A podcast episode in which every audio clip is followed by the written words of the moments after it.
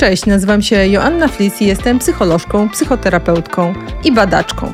W 2023 roku postanowiłam odkryć, jak to jest żyć po dorosłemu.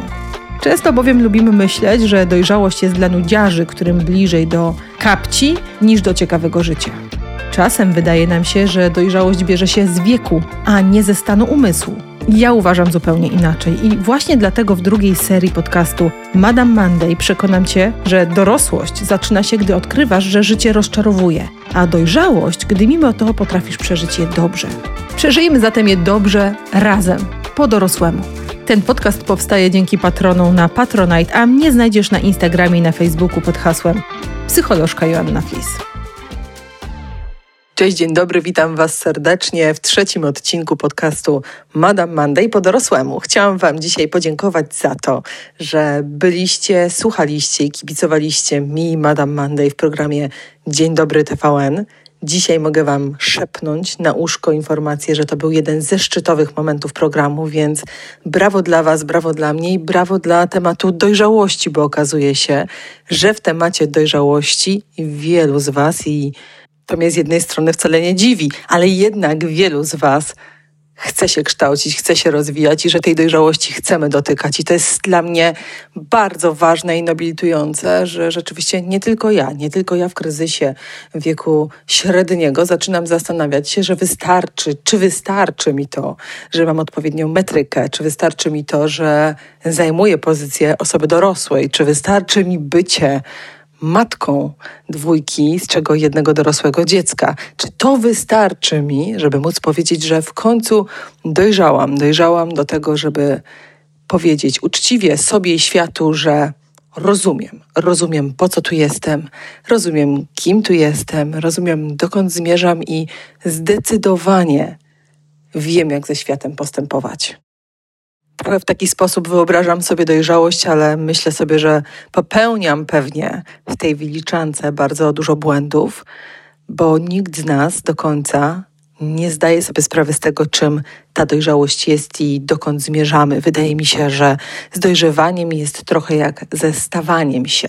Stajemy się dojrzałym, każdego dnia trochę bardziej dojrzałym człowiekiem, dojrzałą osobą. Każdego dnia stajemy się trochę bardziej świadomi i to się dzieje poprzez negowanie wszystkiego, co dotychczas wiedzieliśmy poprzez negowanie naszych dotychczasowych przekonań, poprzez gotowość do tego, żeby zadawać sobie pytania.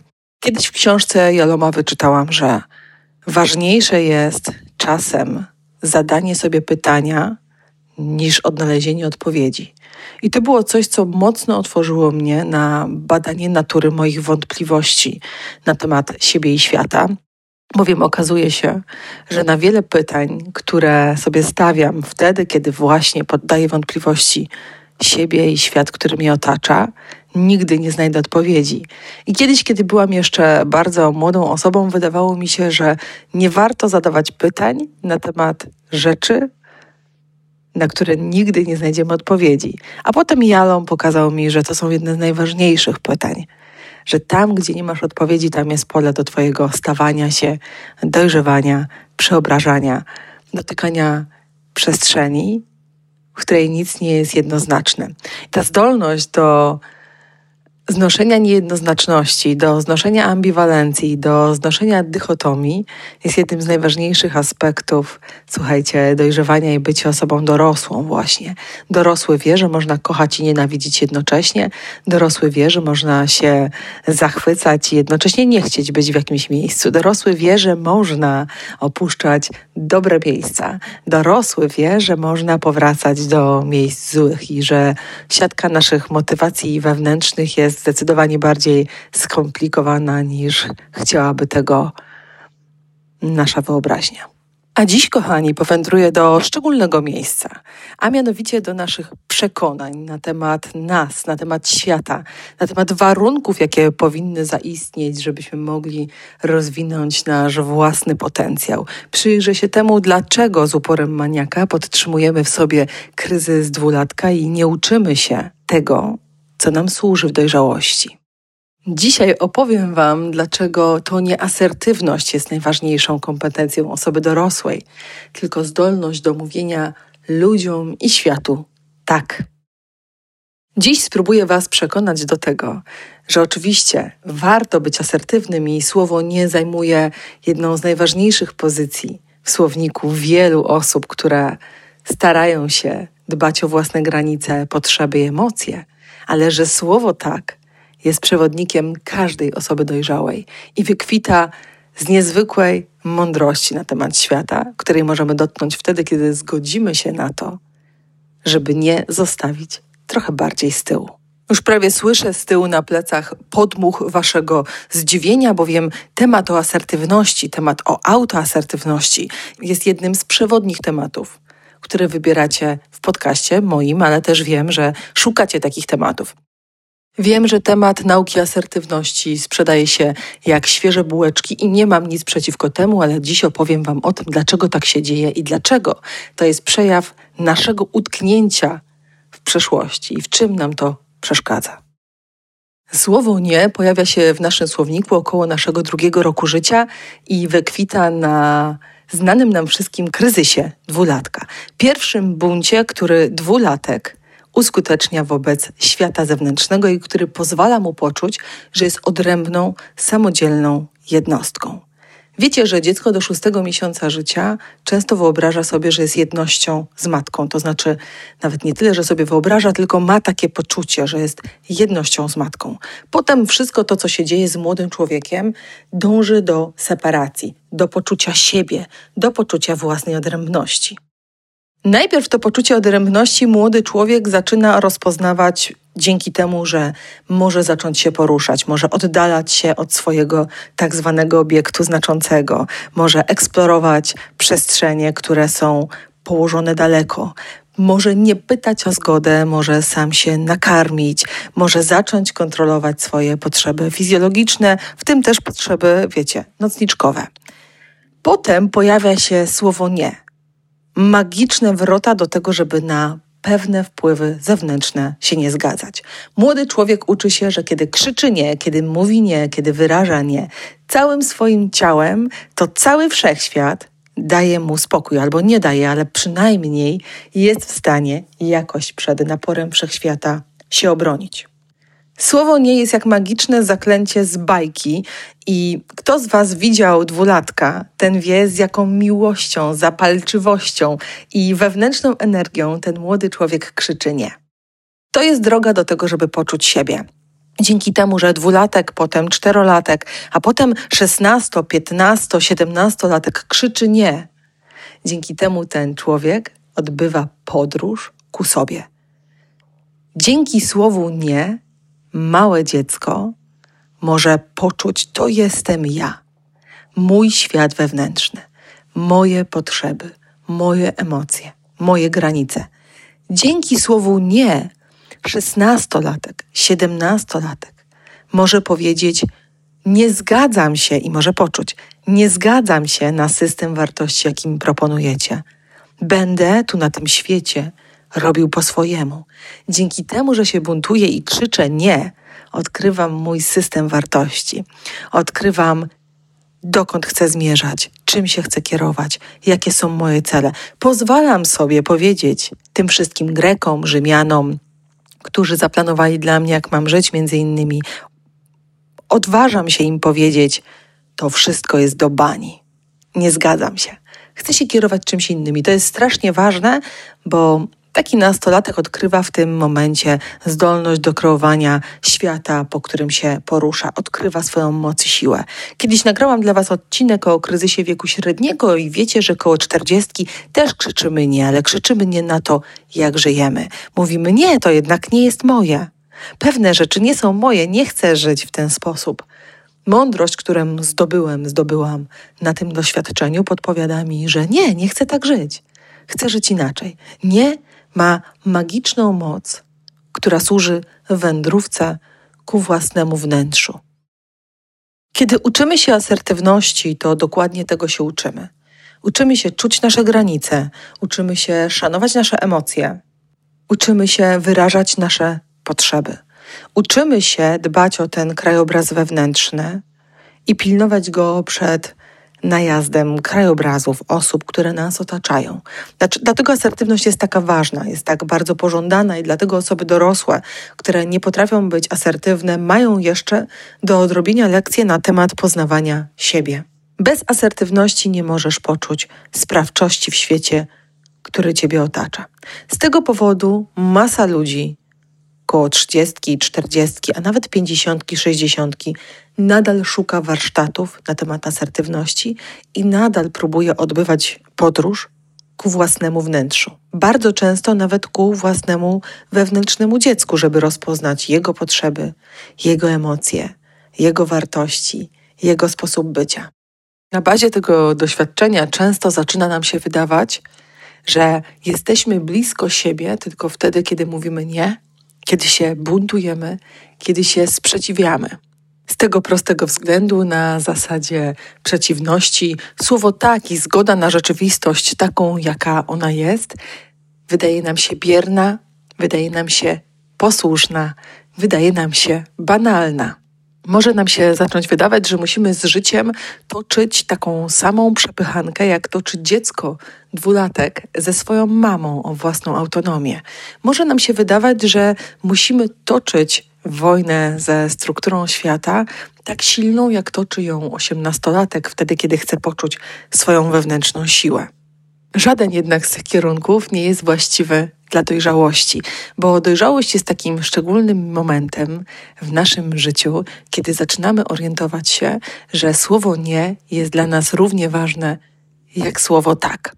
O tym pięknie pisał Oshi, ja Wam niekoniecznie polecam całą jego literaturę, ale to odkrycie jest jednym z ważniejszych moim zdaniem. Słowo tak zaczyna w dorosłym życiu być jednym z najważniejszych przewodników ku dojrzałości.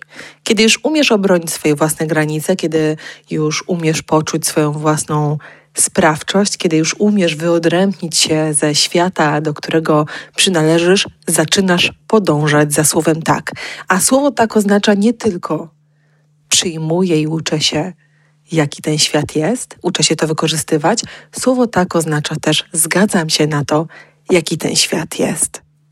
Podobno dojrzałość zaczyna się wtedy, kiedy jesteś w stanie wykrzyczeć światu tak. Tak, zgadzam się na to, do czego mnie zapraszasz. Tak, zgadzam się na to, jak wyglądasz. Zgadzam się na to, jak jesteś skonstruowany.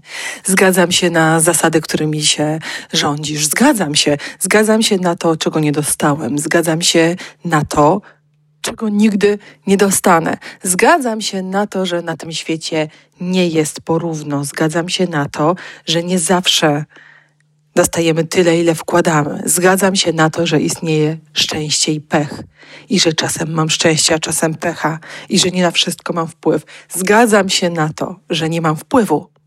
Podobno dojrzałość zaczyna się wtedy, kiedy te wszystkie tak jesteśmy w stanie wykrzyczeć z taką samą energią i z taką samą radością wewnętrzną, jak dwulatek krzyczy nie do swojej mamy kiedy nie chce wrócić z placu zabaw, bo świetnie się bawi, albo kiedy nie chce oddać zabawki w dłoni, którą dzierży.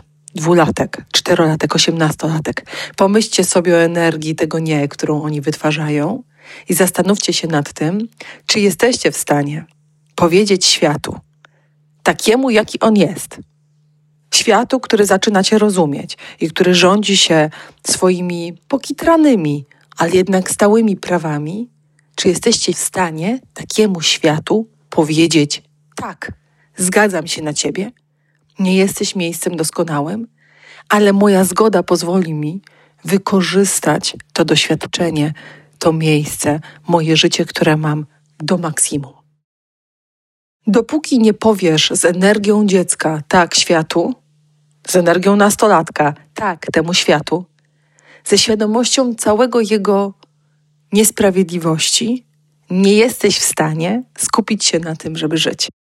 Bo Twoje życie wtedy skupia się na tym, na czym się nie zgadzasz.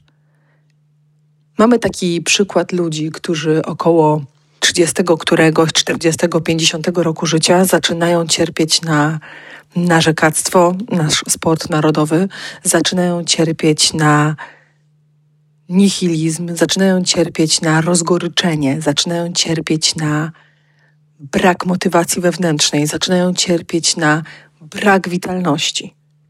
To są osoby, które nie chcą angażować się we własne życie. To są osoby, które obrażają się na życie.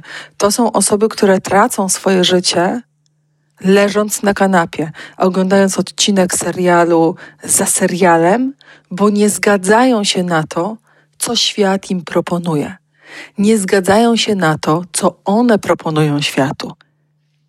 Ten opór, który często widzicie u siebie, ten opór, który się w Was pojawia, ten opór, który sprawia, że szukacie kogoś, kto Was przekona, że warto, warto się zaangażować, warto zrobić coś dla siebie, warto siebie pokochać, warto polubić świat, warto wyjść do ludzi, że warto ufać, że warto wybaczać, że warto mieć nadzieję. To są osoby, które szukają na kogoś, kto je do tego przekona. Ale tacy ludzie nie istnieją, bo przekonanie o tym, że warto mimo wszystko, że nadzieja nie jest matką głupców, tylko nadzieja jest potrzebna nam wszystkim i nadzieja jest towarzyszką dojrzałości, ta postawa bierze się ze zgody na to, jaki ten świat jest. Brak zgody na to, jaki ten świat jest, to zgoda na to, żeby żyć w oporze. Opór jest potrzebny dwulatkowi. Opór jest potrzebny czterolatkowi. Opór wobec świata jest jak cholera potrzebny osiemnastolatkowi, który dzierży, pcha ten kamień jak syzyf na górę po to, żeby poczuć, że potrafi. Nam, osobom dorosłym, dojrzałym, opór nie służy. Jeżeli dotkniesz natury swojego oporu, to zobaczysz, że jest to jeden z powodów, dla których nie chce ci się już kochać. Jest to jeden z powodów, dla których nie chce ci się już starać. Jest to jeden z powodów, dla których nie chce ci się pomagać, bo wiesz, że nie zawsze dobro wraca. Nie kochasz, bo wiesz, że nie zawsze to jest wzajemnione, a czasem w tej miłości dostajesz naprawdę w piernicz, więc nie będę kochał nikogo. Nie będę lubił nikogo, to nie zostanę zraniony. Nie będę się starać, to przynajmniej się nie rozczaruję. Nie będę w siebie wierzyć, bo i tak do niczego nie dojdę. Nie opłaca się. To jest jedno z najważniejszych słów, które towarzyszą nam wtedy, kiedy naszym przewodnikiem życiowym staje się dziecięce i młodzieńcze nie, które wykrzykujemy różnych przestrzeniach naszego życia. Chciałabym, żebyście mnie zrozumieli dobrze. Słowo nie jest bardzo ważne. I nasza niezgoda na rzeczy, które nas oburzają, które nas ranią i nas krzywdzą, jest jednym z najważniejszych motorów napędowych zmiany, takiej zmiany, której cholernie potrzebujemy. Ale kiedy przepierniczamy na głupoty nasze nie w naszym własnym życiu, we wszystkich tych miejscach, w których po prostu chodzi o to, żeby zjeść ciastko, które serwuje nam życie, bez obrażania się na to, że nie ma w nim malin, Wtedy tracimy energię słowa nie na to, żeby oporować wobec życia, które jest, jakie jest. Opór może dotyczyć naszej przeszłości, nie zgadzam się na to, co było. Opór może dotyczyć teraźniejszości, nie chcę tu być. Nie podoba mi się.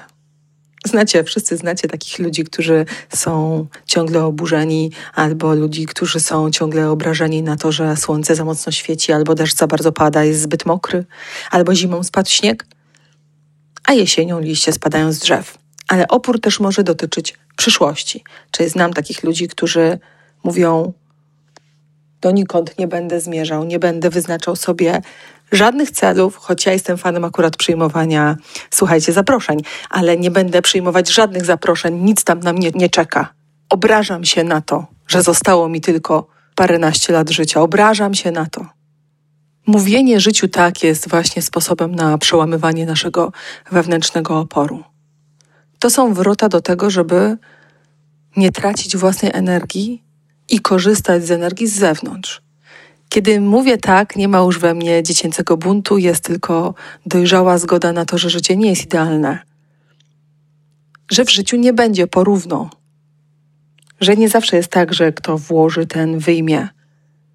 Że czasem możemy wkładać i nic nie wyciągać, a czasem przychodzą do nas rzeczy, których w ogóle nie chcieliśmy. Że niektórzy dostają więcej, inni mniej i nijak nie idzie na to zasłużyć. Że jest wiele rzeczy, na które nie mamy wpływu nawet jeżeli bardzo go chcemy mieć. Asia Chmura mówi, że to nawet dobrze. myślę, że to jest dobry przykład na to, jak poradzić sobie z oporem, kiedy myślimy, to nawet dobrze, wszystko minie.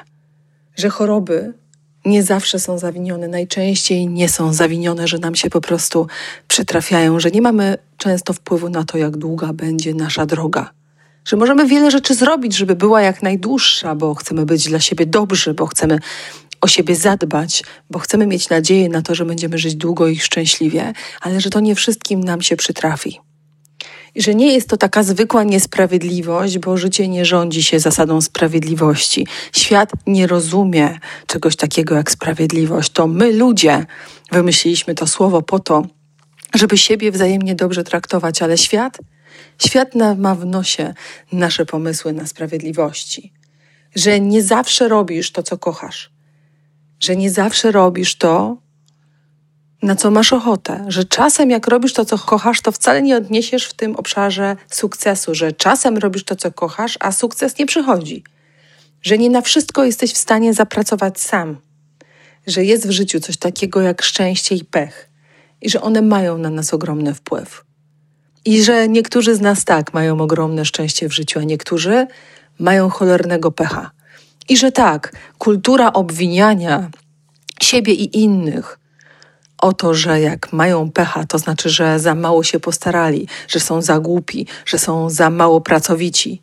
Jest opresyjną kulturą tłumaczenia sobie rzeczy, których nie da się wytłumaczyć, bo szczęście i pech leżą poza rozumem, leżą poza logiką i rządzą się w całym naszym życiu że samowystarczalność nie istnieje, że chciałoby się powiedzieć, że ja to wszystko sama zrobiłam, sama nagrywam, sama rozpowszechniam, sama tutaj sprawiam, jestem twórczynią swojego sukcesu, ale to nie jest prawda, bo sama to ja mogę sobie, wiecie, ciasto upiec. Że żaden sukces nie idzie i nie kroczy w pojedynkę że uczucia są ważne, ale nie wszystkie są prawdą, że nasze myśli nie są faktami i że tak, to jest strasznie ważne, co czujemy i co myślimy, ale się mylimy bardzo często. I inni też się mylą bardzo często. I tak to jest skonstruowane, że człowiek jest zawodzący. I że musimy sobie wybaczać. Musimy. Możesz nie chcieć nikomu nic wybaczać, możesz się w sobie zaciąć, zagryźć zęby i przejechać tak przez następnych 20 lat. Ale od tego, że ty się zatniesz, od tego, że ty będziesz w oporze, świat się nie zmieni.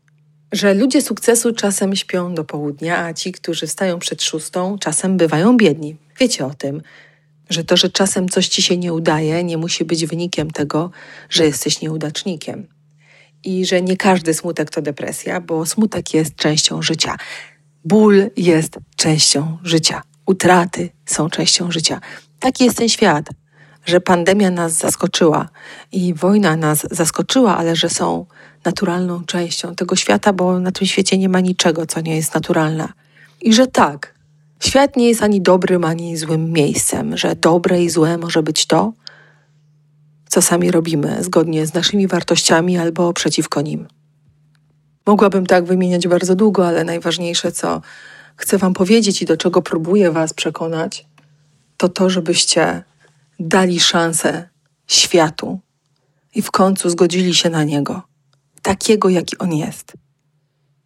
Zgodzili się na własną przeszłość, zgodzili się na to, jak wygląda teraźniejszość i powiedzieli tak przyszłości, cokolwiek tam nie będzie – cokolwiek się tam nie przytrafi, cokolwiek świat mi tam ma do zaproponowania, mówię na to tak, mówię temu tak.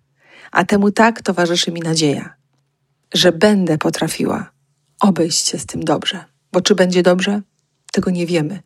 Ale czy to, że świat jest czasem do bani, jest wystarczającym miejscem, żeby się obrazić na własne życie? Mam nadzieję, że nie. Dlatego w tym tygodniu chciałabym, żeby każdy z nas, krocząc ku dojrzałości, wykrzyczał chociaż raz z energią i pasją dziecka: tak, temu, co świat nam przynosi. Tak, zgadzam się na to, że nie będę idealna i że nie będą otaczali mnie idealni ludzie. Tak, zgadzam się na to, że będę się starzeć. Tak, zgadzam się na to, że wielu rzeczy, o których marzę, nie osiągnę, wielu miejsc nie zobaczę, że wielu prezentów nie dostanę. Tak, zgadzam się na to, że muszę włożyć cholerny wysiłek, ale nie wiem, czy to przyniesie efekt. Tak, zgadzam się na to, że będę mieć w życiu porażki. Tak, zgadzam się, że mi się czasem nie będzie chciało. Tak, zgadzam się, bo bez tak nie ma życia. Dobrego tygodnia Wam życzę, pełnego otwartości na to, jaki jest świat, nawet jak jest naprawdę do bani. Trzymajcie się.